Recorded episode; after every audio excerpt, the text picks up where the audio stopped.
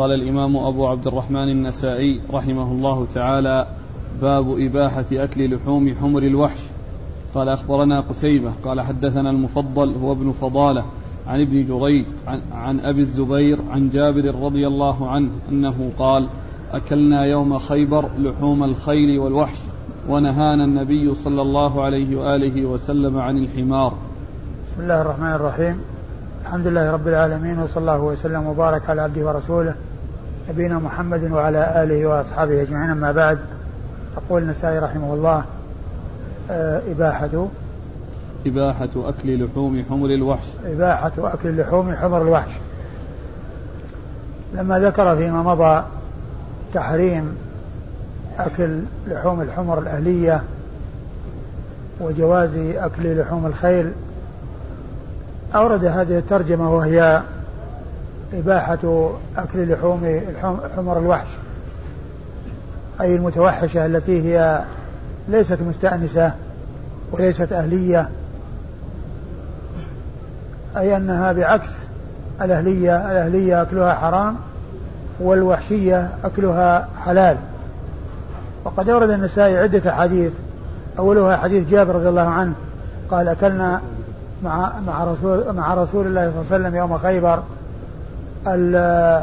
الخيل والوحش ونهانا عن الحمار أي الحمار الإنسي. وهو يدل على إباحة لحوم الخيل وكذلك المتوحشة يعني سواء كانت يعني حمرا أو غيرها. وكذلك وفيها أيضا ودل أيضا على تحريم أكل لحوم الحمر الأهلية. نعم. قال أخبرنا قتيبة. قتيبة بن سعيد بن جميل بن طريف البغلاني ثقة أخرج له أصحاب كتب الستة. عن المفضل هو ابن فضالة. عن المفضل وهو ابن فضالة وهو ثقة أخرج له أصحاب كتب الستة. عن ابن جريج. عن ابن جريج عبد الملك بن عبد العزيز بن جريج المكي ثقة فقيه يرسل ويدلس وحديثه أخرجه أصحاب كتب الستة. عن أبي الزبير. عن أبي الزبير محمد بن مسلم بن تدرس المكي وهو صدوق يدلس أخرج حديثه أصحاب كتب الستة. عن جابر. بن عبد الله الأنصاري رضي الله تعالى عنهما وهو أحد السبعة المعروفين بكثرة الحديث عن النبي صلى الله عليه وسلم قال أخبرنا قتيبة قال حدثنا بكر هو ابن مضر عن ابن الهاد عن محمد بن إبراهيم عن عيسى بن طلحة عن عمير بن سلمة الضمري رضي الله عنه أنه قال بينا نحن نسير مع رسول الله صلى الله عليه وآله وسلم ببعض أثايا الروحاء وهم حرم. إذ إذا حمار وحش معقور. فقال رسول الله صلى الله عليه وآله وسلم دعوه فيوشك صاحبه أن يأتيه. فجاء رجل من بهز هو الذي عقر الحمار. فقال يا رسول الله شأنكم هذا الحمار. فأمر رسول الله صلى الله عليه وآله وسلم أبا بكر يقسمه بين الناس. ثم أورد النسائي حديث عمير عمير بن سلمة بن سلمة الضمري رضي الله تعالى عنه أنهم كانوا مع النبي صلى الله عليه وسلم في سفر فرأوا حمار وحش معقور قد أصيب يعني أنه قد جرح وعقر فقال دعوه يوشك أن يدركه صاحب صاحبه. ثم جاء رجل بهز هو صاحب ذلك الحمار الذي عقره وقال للنبي صلى الله عليه وسلم شأنكم به. فأمر النبي عليه الصلاة والسلام أبا بكر أن يقسمه بين الناس أن يقسمه بين الناس. وهذا يدل على إباحة لحوم الحمر الأهلية لأن النبي عليه الصلاة والسلام أمر أبا بكر أن يقسمه بين الناس بعد أن جاء صاحبه الذي عقره وأدركه وقال شأنكم به أي تصرفوا فيه كما شئتم فأمر النبي صلى الله عليه وسلم بقسمته وهذا يدلنا على ما عقد له المصنف الترجمة وهي إباحة لحوم الحمر الأهلية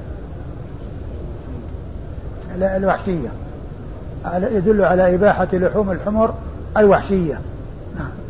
قال أخبرنا قتيبة أخبرنا قتيبة وقد مر ذكره عن بكر هو ابن مضر عن بكر وهو ابن مضر وهو ثقة أخرج له أصحاب الكتب الستة إلى ابن ماجه عن ابن الهاد عن ابن الهاد وهو يزيد بن عبد الله بن أسامة بن الهاد وهو ثقة أخرج له أصحاب الكتب الستة. عن محمد بن إبراهيم. عن محمد بن إبراهيم التيمي وهو ثقة أخرج له أصحاب الكتب الستة. عن عيسى بن طلحة. عن عيسى بن طلحة التيمي وهو ثقة أخرج له أصحاب الكتب الستة.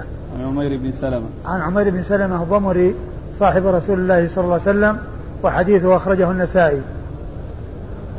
قال أخبرنا محمد بن وهب قال حدثنا محمد بن سلمة قال حدثني أبو عبد الرحيم قال حدثني زيد بن أبي أنيسة عن أبي حازم عن ابن أبي قتادة عن أبيه أبي قتادة رضي الله عنه أنه قال أصاب حمارا وحشيا فأتى به أصحابه وهم محرمون وهو حلال فأكلنا منه.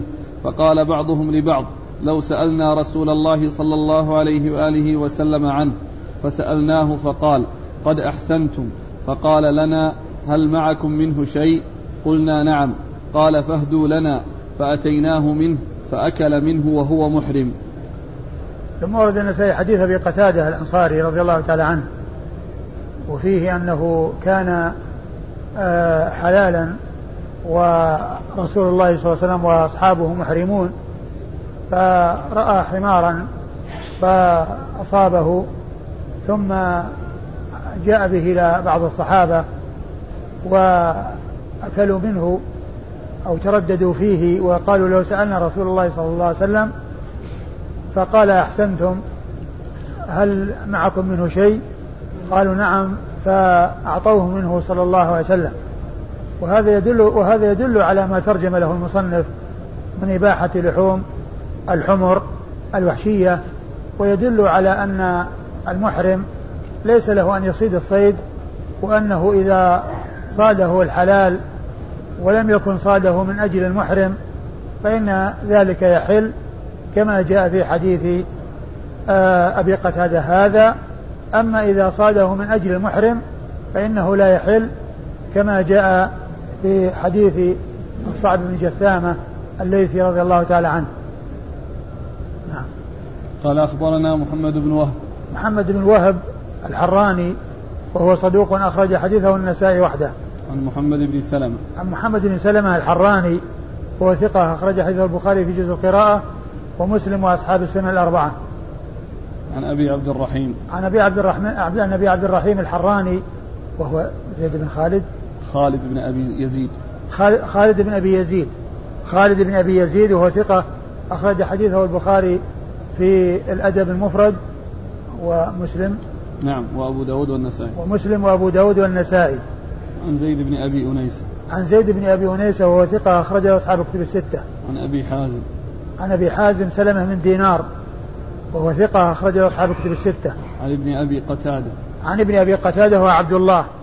ابن أبي قتادة وهو ثقة أخرج له أصحاب الكتب الستة. عن, أبي قتادة الحارث بن ربعي الأنصاري رضي الله تعالى عنه مشهور بكنيته وحديثه أخرجه أصحاب الكتب الستة. قال رحمه الله تعالى باب إباحة أكل لحوم الدجاج. قال أخبرنا محمد بن منصور قال حدثنا سفيان قال حدثنا أيوب عن أبي قلابة عن زهدم أن أبا موسى رضي الله عنه أتي بدجاجة فتنحى رجل من القوم فقال ما شأنك؟ قال إني رأيتها تأكل شيئا قدرته فحلفت ألا آكله. فقال أبو موسى أدن فكل فإني رأيت رسول الله صلى الله عليه وآله وسلم يأكله وأمره أن يكفر عن يمينه. ثم ورد النسائي هذه ترجمة إباحة أكل لحوم الدجاج. وقد أورد النسائي حديث أبي موسى الأشعري رضي الله تعالى عنه أنه آه، قدم له دجاجة يعني طعام للأكل وفي وفي الحاضرين رجل طلب منه أن يأكل فتنحى أي ابتعد ولا يريد الأكل فقال ما شأنك؟ يعني لماذا؟ قال إني رأيت يعني هذا النوع يعني يأكل شيئا قذرته فحلفت ألا آكله يعني هذا النوع يعني هذا النوع من من من الحيوان الذي هو الدجاج لأنه رأى دجاجة في يوم من الأيام تأكل شيئا استقذره فحلف أن لا يأكل من هذا النوع الذي هو الدجاج. فقال أدنوا فكل فإن النبي صلى الله عليه وسلم أكل منه ثم أمره أن يكفر عن يمينه. لأنه حلف أن لا يأكل يعني من هذا النوع فأمره أن يكفر عن يمينه وأن يأكل لأن النبي صلى الله عليه وسلم أكله ويدل على أنه مباح وأن الإنسان إذا حلف أن لا يفعل شيئا فإنه يكفر عن يمينه ويأتي الذي هو خير وهو كونه يأكل ذلك المباح الذي أباحه الله عز وجل وأحله. قال أخبرنا محمد بن منصور. محمد بن منصور هو الجواز المكي ثقة أخرج حديثه النسائي وحده. عن سفيان. عن سفيان هو بن عيينة المكي ثقة أخرج له أصحاب الكتب الستة. عن أيوب. عن أيوب بن أبي تميم السختياني ثقة أخرج له أصحاب الكتب الستة. عن أبي قلابة. عن أبي قلابة عبد الله بن زيد الجرمي وهو ثقة أخرج له أصحاب الكتب الستة. عن زهدم. عن زهدم آه ابن مضرب الجرمي وهو ثقة أخرج حديث البخاري ومسلم. والترمذي والنسائي. عن أبي موسى. عن أبي موسى الأشعري وهو عبد الله بن قيس مشهور بكنيته وحديثه أخرجه أصحاب الكتب الستة. قال أخبرنا علي بن حجر قال حدثنا إسماعيل عن أيوب عن القاسم التميمي عن زهدم الجرمي أنه قال كنا عند أبي موسى رضي الله عنه فقدم طعامه وقدم في طعامه لحم دجاج وفي القوم رجل من, من بني تمي من بني تيم الله أحمر كأنه مولى فلم يدن فقال له أبو موسى أدن فإني قد رأيت رسول الله صلى الله عليه وآله وسلم يأكل منه. ثم أورد النسائي حديث ابو موسى الأشعري رضي الله عنه من طريق أخرى وفيه بيان أن هذا الشخص الذي مر في الحديث السابق أنهم بني تيم الله وأنه أحمر كأنه من الموالي وأمره بأن يدنو ويأكل لأن النبي صلى الله عليه وسلم أكل منه. وهو مختصر لأن الرواية السابقة فيها بيان السبب الذي جعله لا يأكل هذا النوع من الحيوانات وهذا فيه اختصار آه، فيه أمره بأن يأكل وفيه بيان المستند والدليل على حله وإباحته وهو أن النبي صلى الله عليه وسلم أكله قال أخبرنا علي بن حجر علي بن حجر بن إياس المروزي السعدي ثقة أخرج حديثه البخاري ومسلم والترمذي والنسائي. عن إسماعيل. عن إسماعيل وهو بن علية بن إسماعيل بن إبراهيم بن مقسم المشهور بن علية ثقة أخرج له أصحاب كتب الستة. عن أيوب. عن أيوب وقد مر ذكره. عن القاسم التميمي. عن القاسم بن عاصم التميمي وهو مقبول أخرج حديثه البخاري ومسلم وأبو داود في القدر والترمذي في المراسيل والنسائي أبو داود في المراسيل والترمذي في الشمائل. نعم نعم. أبو داود في المراسيل والترمذي في الشمائل والنسائي. عن زهدم عن أبي موسى. عن زهدم عن أبي موسى وقد مر ذكرهما. قال أخبرنا إسماعيل بن مسعود عن بشر هو ابن المفضل. قال حدثنا سعيد عن علي بن الحكم عن ميمون بن مهران عن سعيد بن جبير عن ابن عباس رضي الله عنهما أن نبي الله صلى الله عليه وآله وسلم أن نبي الله صلى الله عليه وآله وسلم نهى يوم خيبر عن كل ذي مخلب من الطير وعن كل ذي ناب من السباع.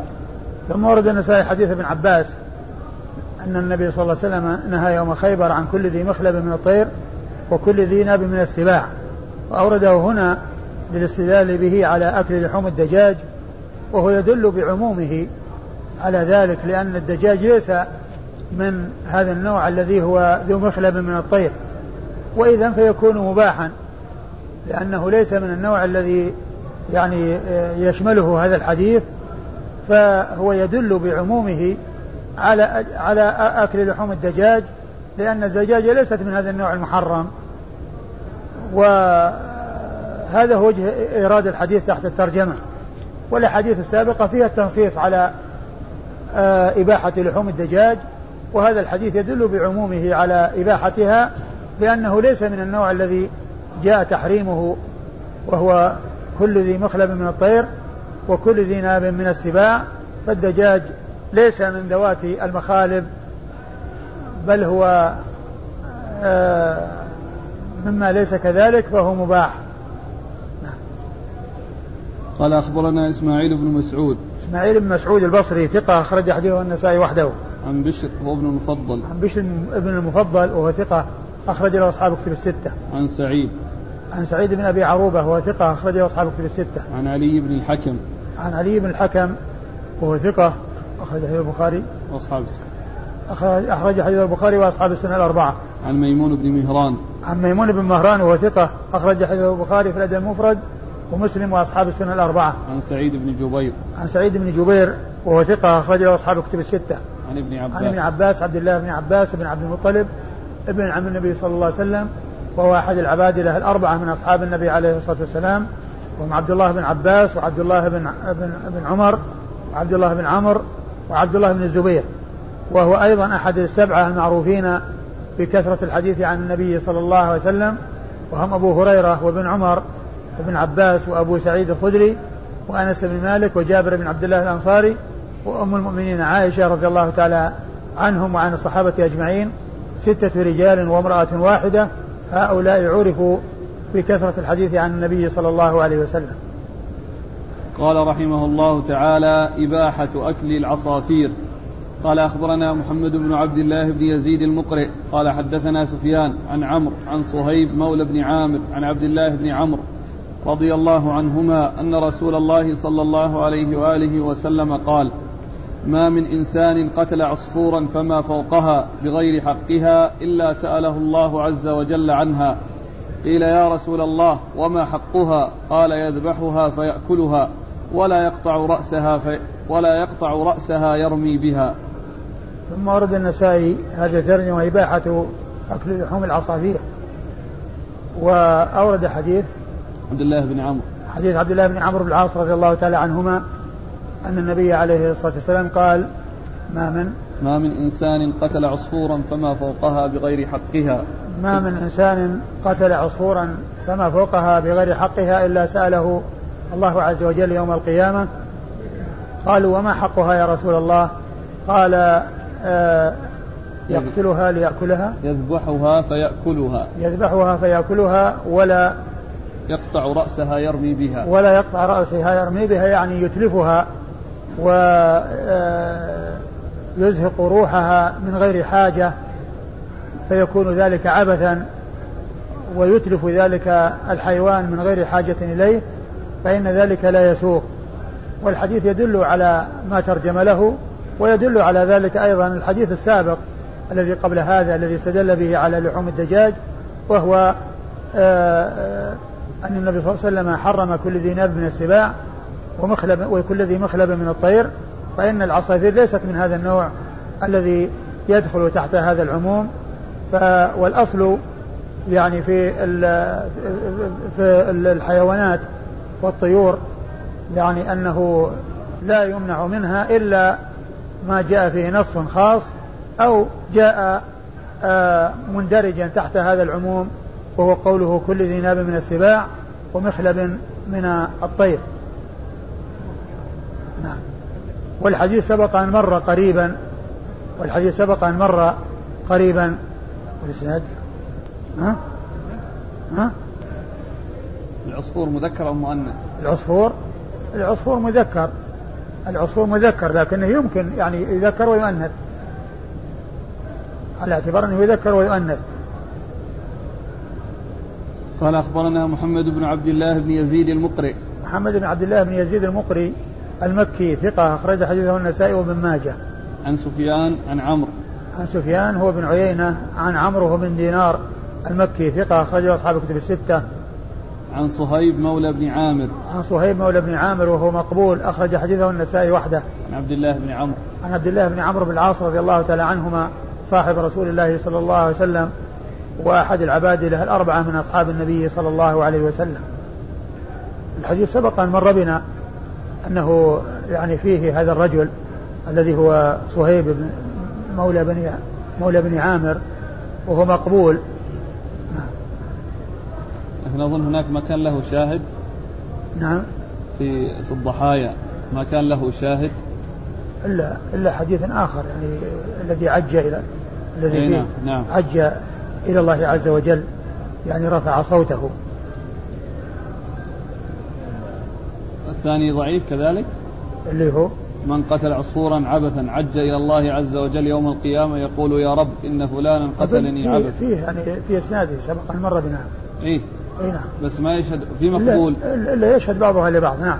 سبقا قلنا أن الشيخ الألباني ضعفه ويعني الحديث فيه يعني بإسنادين وفي كل منهما مقبول والمقبول هو الذي يعتضد. ثم أيضا من ناحية المعنى ثابت ولا يعني نعلم خلافا في إباحة أكل لحوم العصافير.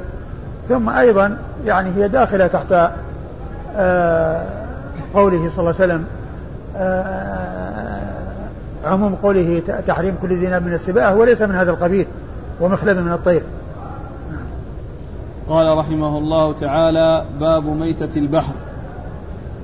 قال أخبرنا إسحاق بن منصور قال حدثنا عبد الرحمن قال حدثنا مالك عن صفوان بن سليم عن سعيد بن سلمة عن المغيرة بن أبي بردة عن أبي هريرة رضي الله عنه عن النبي صلى الله عليه وآله وسلم في ماء البحر. هو الطهور ماؤه الحلال ميتته. ثم ورد النسائي ميتة البحر. إيه نعم. ميتة البحر أي حلها وإباحتها وأن حيوانات البحر ميتتها حلال. وقد جاء أحاديث عن رسول الله صلى الله عليه وسلم تدل على ميتة البحر. ذكر النسائي هذا الحديث و آه، يعني حديثا آخر جاء من طرق وهو المتعلق بالعنبر الدابة الكبيرة التي آه، قذفها البحر و آه، انتفع بها أبو عبيدة بن الجراح وأصحابه وكانوا ثلاثمائة. وأكثر كما سيأتي. وجاء في ذلك أيضا الحديث حلت لنا ميتتان ودمان. أما الميتتان أما الميتتان فالجراد والحوت وأما الدمان فالكبد والطحال. وقد أورد النسائي حديث أبي هريرة رضي الله تعالى عنه أن النبي صلى الله عليه وسلم سئل عن ماء البحر فقال هو الطهور ماءه؟ الحل ميتته. كان الحديث جاء على سؤال سئل عن ماء البحر يعني هل يتوضأ به؟ ولعل السبب في ذلك أنه لما كان يخالف المياه مياه التي اعتادها الناس وألفوها وأنه يختلف عنها بمرارته ويعني آه، آه، سألوه عن الوضوء به فقال هو الطهور ماؤه الحل ميتته. فأجابهم على السؤال وزادهم. عليه بيان أن ميته أن ميتته حلال. وهو من إجابة السائل بأكثر مما سأل عنه. إذا كان الأمر يتطلب ذلك لأنه إذا كان استشكل أن يتوضأ به فكذلك أيضا يستشكل أو قد يستشكل أن تؤكل ميتته.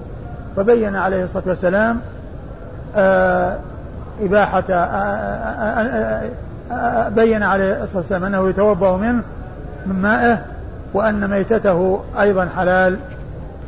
نعم. قال أخبرنا إسحاق بن منصور. أخبرنا إسحاق بن منصور الكوسج ثقة أخرج حديث أصحاب الكتب الستة إلا أبا داود. عن عبد الرحمن. عن عبد الرحمن بن مهدي ثقة أخرج أصحاب الكتب الستة. عن مالك. عن مالك. عن مالك. نعم. عن, عن مالك بن أنس إمام دار الهجرة. المحدث المشهور الإمام الفقيه. نعم. عن صفوان بن سليم. عن صفوان بن سليم وهو ثقة أخرجه أصحاب الكتب الستة. نعم. أخرجه أصحاب الكتب الستة. عن سعيد بن سلمة. عن سعيد بن سلمة المخزومي وهو ثقة أخرج حديثه أصحاب السنة الأربعة. عن المغيرة بن أبي بردة. عن المغيرة بن أبي بردة وهو أيضا ثقة أخرجه أصحاب السنة الأربعة. عن أبي هريرة. عن أبي هريرة رضي الله عنه عبد الرحمن بن صخر الدوسي أكثر أصحاب رسول الله صلى الله عليه وسلم حديثا. وقد ذكر الحافظ بن حجر في ترجمة المغيرة بن أبي بردة في تهذيب التهذيب أن حديثه عن أبي هريرة في ماء البحر صححه عشرة من الأئمة وسرد أسماءهم وقال وآخرون. يعني فذكر سمى عشرة صححوا هذا الحديث ويعني أشار إلى أن غيرهم صححه حيث قال بعد أن ساق العشرة قال وآخرون في ترجمة المغيرة بن أبي بردة. في نهايتها قال وصحح حديثه في آه، إباحة ميتة البحر فلان وفلان بدأ بابن خزيمة وختم بعبد الحق ثم قال وآخرون الحديث على إطلاقه كل ما كل ميتة البحر. حلال لأنه يذكر أشياء. نعم في أشياء اختلف فيها مثل التمساح يعني وأشياء أخرى. ثعابين. نعم. يذكرون هناك نوع يسمونه كلب البحر. هم ذكروا أشياء مختلف فيها منها التمساح. قال أخبرنا محمد بن آدم قال حدثنا عبده عن هشام عن وهب بن كيسان عن جابر بن عبد الله رضي الله عنهما أنه قال بعثنا النبي صلى الله عليه وآله وسلم ونحن ثلاثمائة, ثلاثمائة, ثلاثمائة.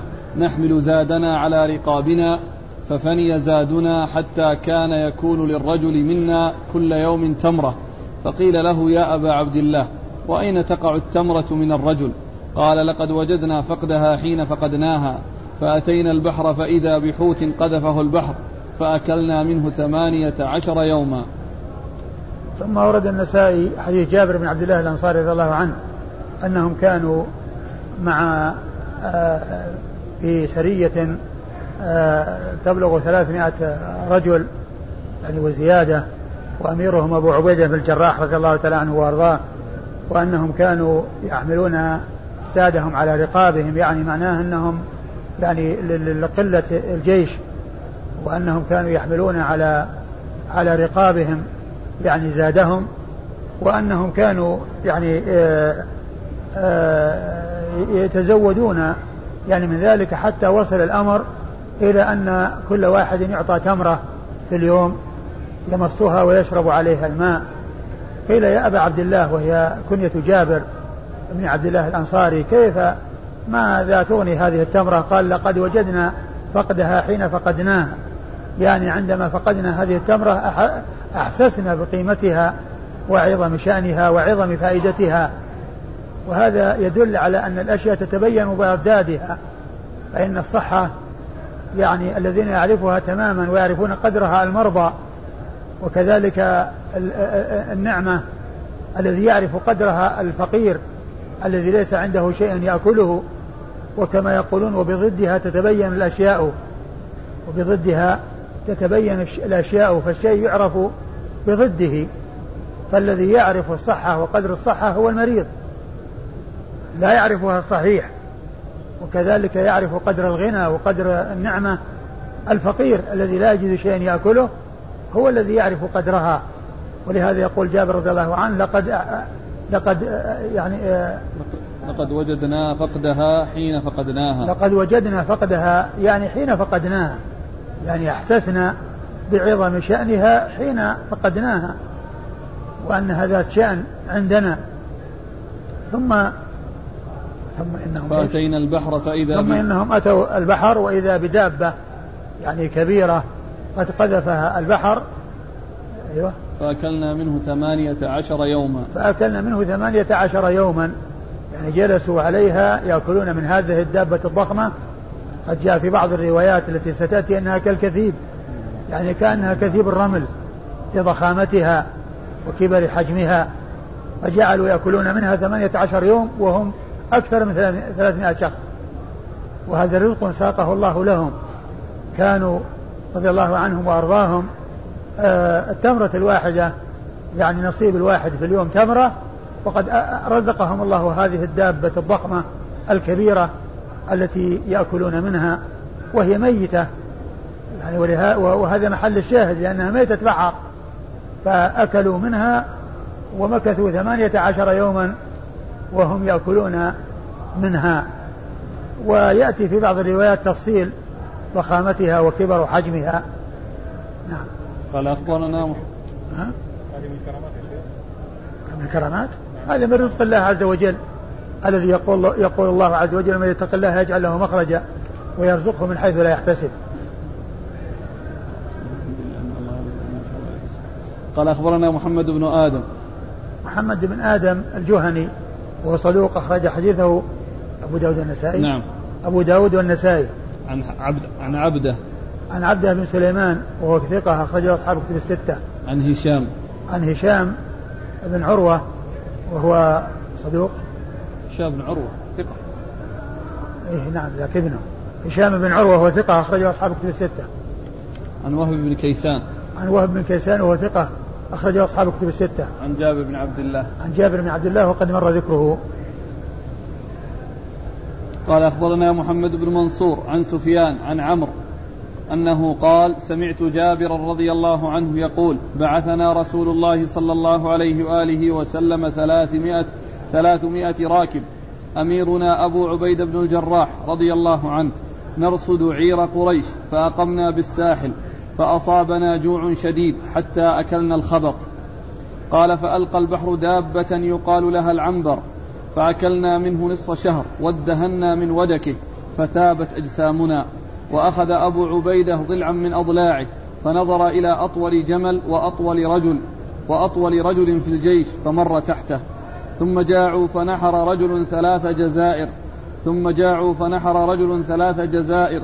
ثم جاعوا فنحر رجل ثلاث جزائر. ثم نهاه أبو عبيدة. فقال سفيان قال أبو الزبير عن جابر فسألنا النبي صلى الله عليه وآله وسلم فقال هل معكم منه شيء؟ قال فأخرجنا من عينه كذا وكذا قلة من ودك ونزل في حجاج عينه أربعة نفر. وكان مع أبي عبيدة جراب فيه تمر فكان يعطينا القبضة ثم صار إلى التمرة فلما فقدناها وجدنا فقدها.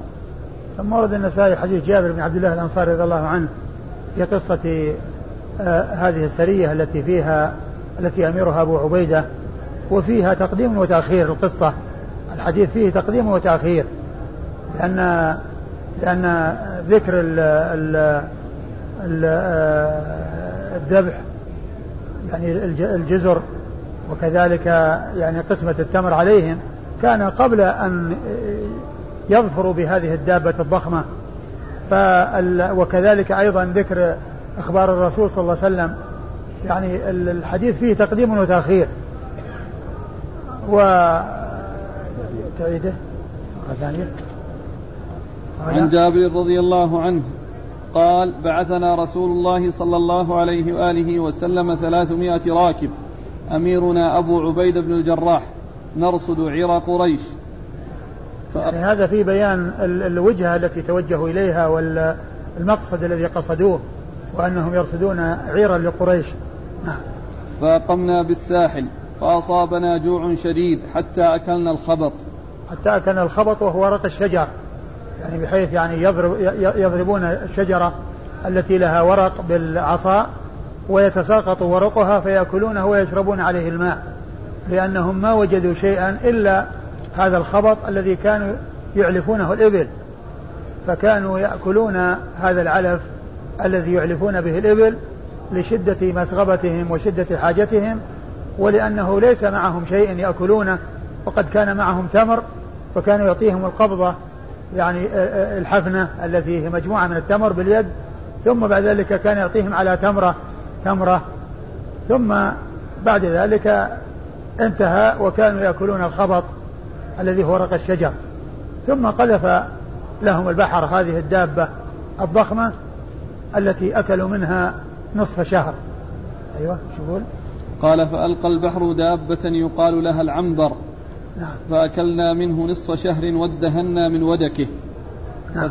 فثابت أجسامنا حتى ثابت أجسامنا يعني رجعت أجسامهم بعد ما بعد ما كان يعني حصل لها ما حصل من الضعف بسبب عدم المآكل وأنهم يأكلون ورق الشجر يعني حصل انتعاشهم وعادت أجسادهم على ما كانت عليه من قبل قبل أن يحصل لهم ذلك الجوع الشديد الذي أدى بهم إلى أكل ورق الشجر.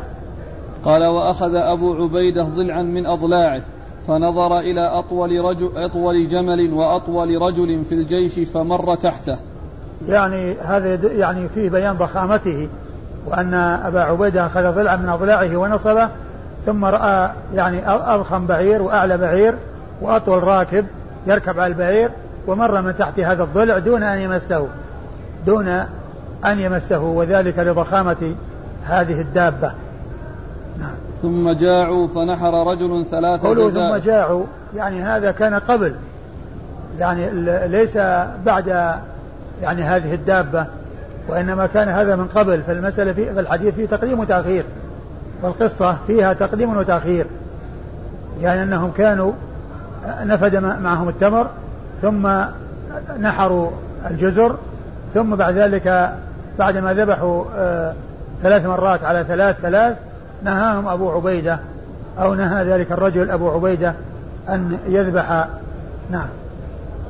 قال ثم, ثم جاعوا فنحر رجل ثلاث جزائر ثم ثلاث جزائر المقصود به الثلاث من الإبل يعني جمع جزور. وهنا ذكر ثلاث لأن هم ثلاثمائة. والمئة تكفي ل والجزور تكفي لمئة تكفي لمئة. وهم ثلاثمائة يعني ثلاث يعني يذبحون ثلاث ثلاث. وهذا يوافق ما جاء في الحديث الذي في قصة بدر أنهم لما رأوا رجل وسألوه عن المشركين فقالوا يعني أنه لا يعرف عددهم وأنهم كثير. قال كم ينحرون في اليوم؟ قال بين التسع بين التسع إلى العشر. من التسع إلى العشر قال القوم من التسعمائة إلى الألف. القوم يعني من التسعمائة إلى الألف يعني هذا مقدارهم لأنه يعني غالبا أن البعير يكفي لمئة. فهذا هنا ثلاث جزائر وهم ثلاثمائة. يعني يطابق ما جاء في ذلك الحديث الذي قال فيه الرسول صلى الله عليه وسلم لما سألوا الرجل أن الذي ما عرف عددهم وسألهم كم ينحرون قالوا يعني تسع, تسعة إلى عشر إما تسعة وإما عشر. فقال القوم بين التسعمائة والألف أي أن كل مئة يكون لهم جزور. نعم. ثم جاعوا فنحر رجل ثلاث جزائر ثم جاعوا فنحر رجل ثلاث جزائر ثم نهاه أبو عبيدة. قال قال سفيان قال أبو الزبير عن جابر فسألنا النبي صلى الله عليه وآله وسلم فقال هل معكم منه شيء؟ قال فأخرجنا من عينه من عينيه. كذا وكذا قلة من ودك ونزل. يعني قوله ثم سألنا الرسول يعني بعد ما رجعوا بعد ما رجعوا سألوا الرسول وقالوا نعم وأعطوه مما معهم. ثم رجع إلى قصة إلى قصة الدابة وضخامتها. أيوة قال فأخرجنا من عينيه كذا وكذا قلة من ودك ونزل في حجاج عينه أربعة نفر. يعني معناه أن المكان الذي يعني حجاج العين وهو العظم المستدير الذي تكون العين في وسطه أخرجوا منه كذا قلة من الودك. ونزل أربعة أشخاص يعني في ذلك المكان الذي هو مكان العين. وفي بعض الروايات أنهم ثلاثة عشر نزلوا في مكان العين. وهذا كله يدل على ضخامة هذه الدابة وعظم خلقها التي ساقها الله عز وجل لأصحاب رسول الله صلى الله عليه وسلم وهم محتاجون إليها ورزقهم الله عز وجل إياها ومكثوا مدة يأكلون منها وهم عدد كبير وإذ هم ثلاثمائة. وكان مع أبي عبيدة جراب فيه تمر فكان يعطينا القبضة. وهذا فيه رجوعا إلى ما كانوا عليه قبل قبل الحصول على الدابة. يعني هذا فيه تقديم وتأخير. القصة فيها تقديم وتأخير. نعم. ثم صار إلى التمرة فلما فقدناها وجدنا فقدها. نعم. قال أخبرنا محمد بن منصور محمد عن سفيان. محمد بن منصور والجواز المكي ثقة أخرج حديثه النسائي وحده. عن سفيان, سفيان هو بن عيينة. عن عمرو. عن عمرو هو بن دينار. عن جابر. عن جابر بن عبد الله رضي الله تعالى عنه وقد مر ذكره. قال فيه أيضا قال سفيان قال أبو الزبير. ثم فيه قال قال سفيان قال أبو الزبير يعني معناه أنه يرويه عن جابر ويرويه أيضا عن أبي الزبير. يرويه عن عمرو. نعم. سفيان بن عيينة أولا يرويه, نعم يرويه عن, عن عمرو ثم ثم ثم إيش قال؟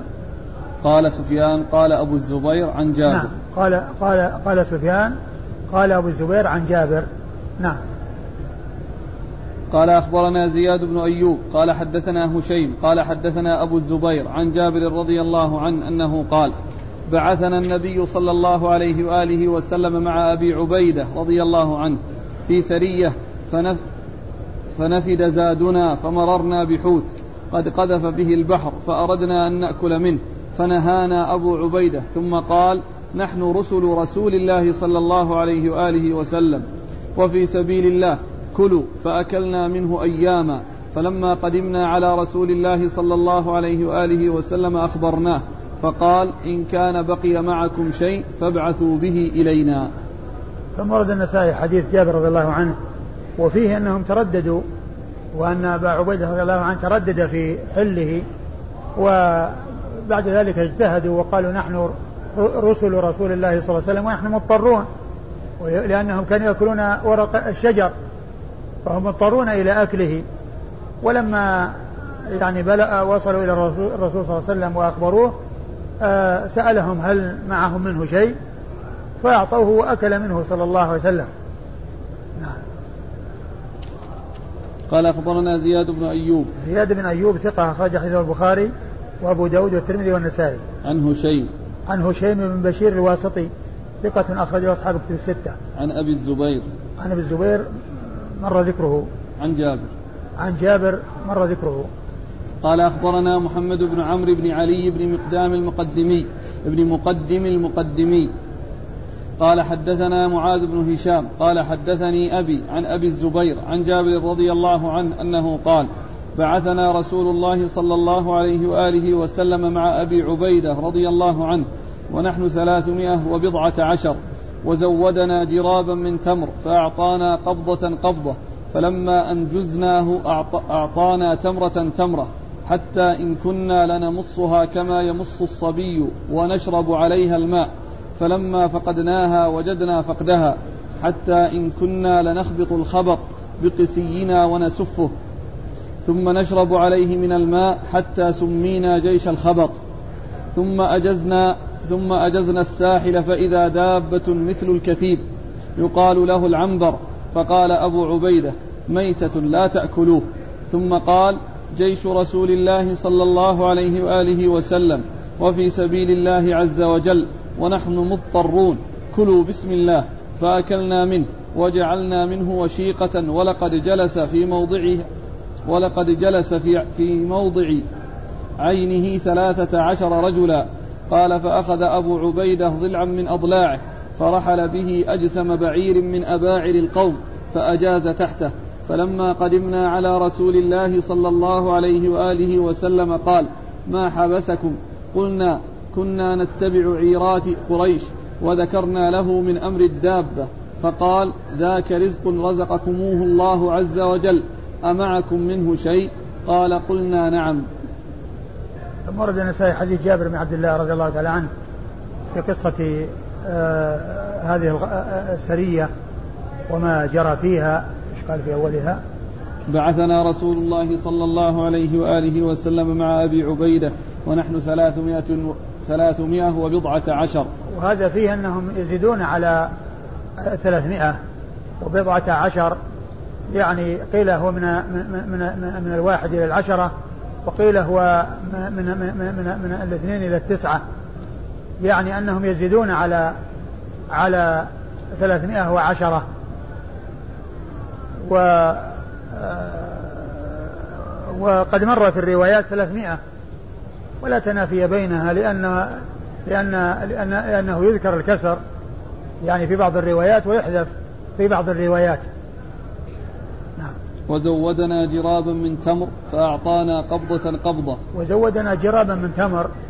يعني الرسول صلى الله عليه وسلم زودهم جرابا من تمر. يعني كان معهم.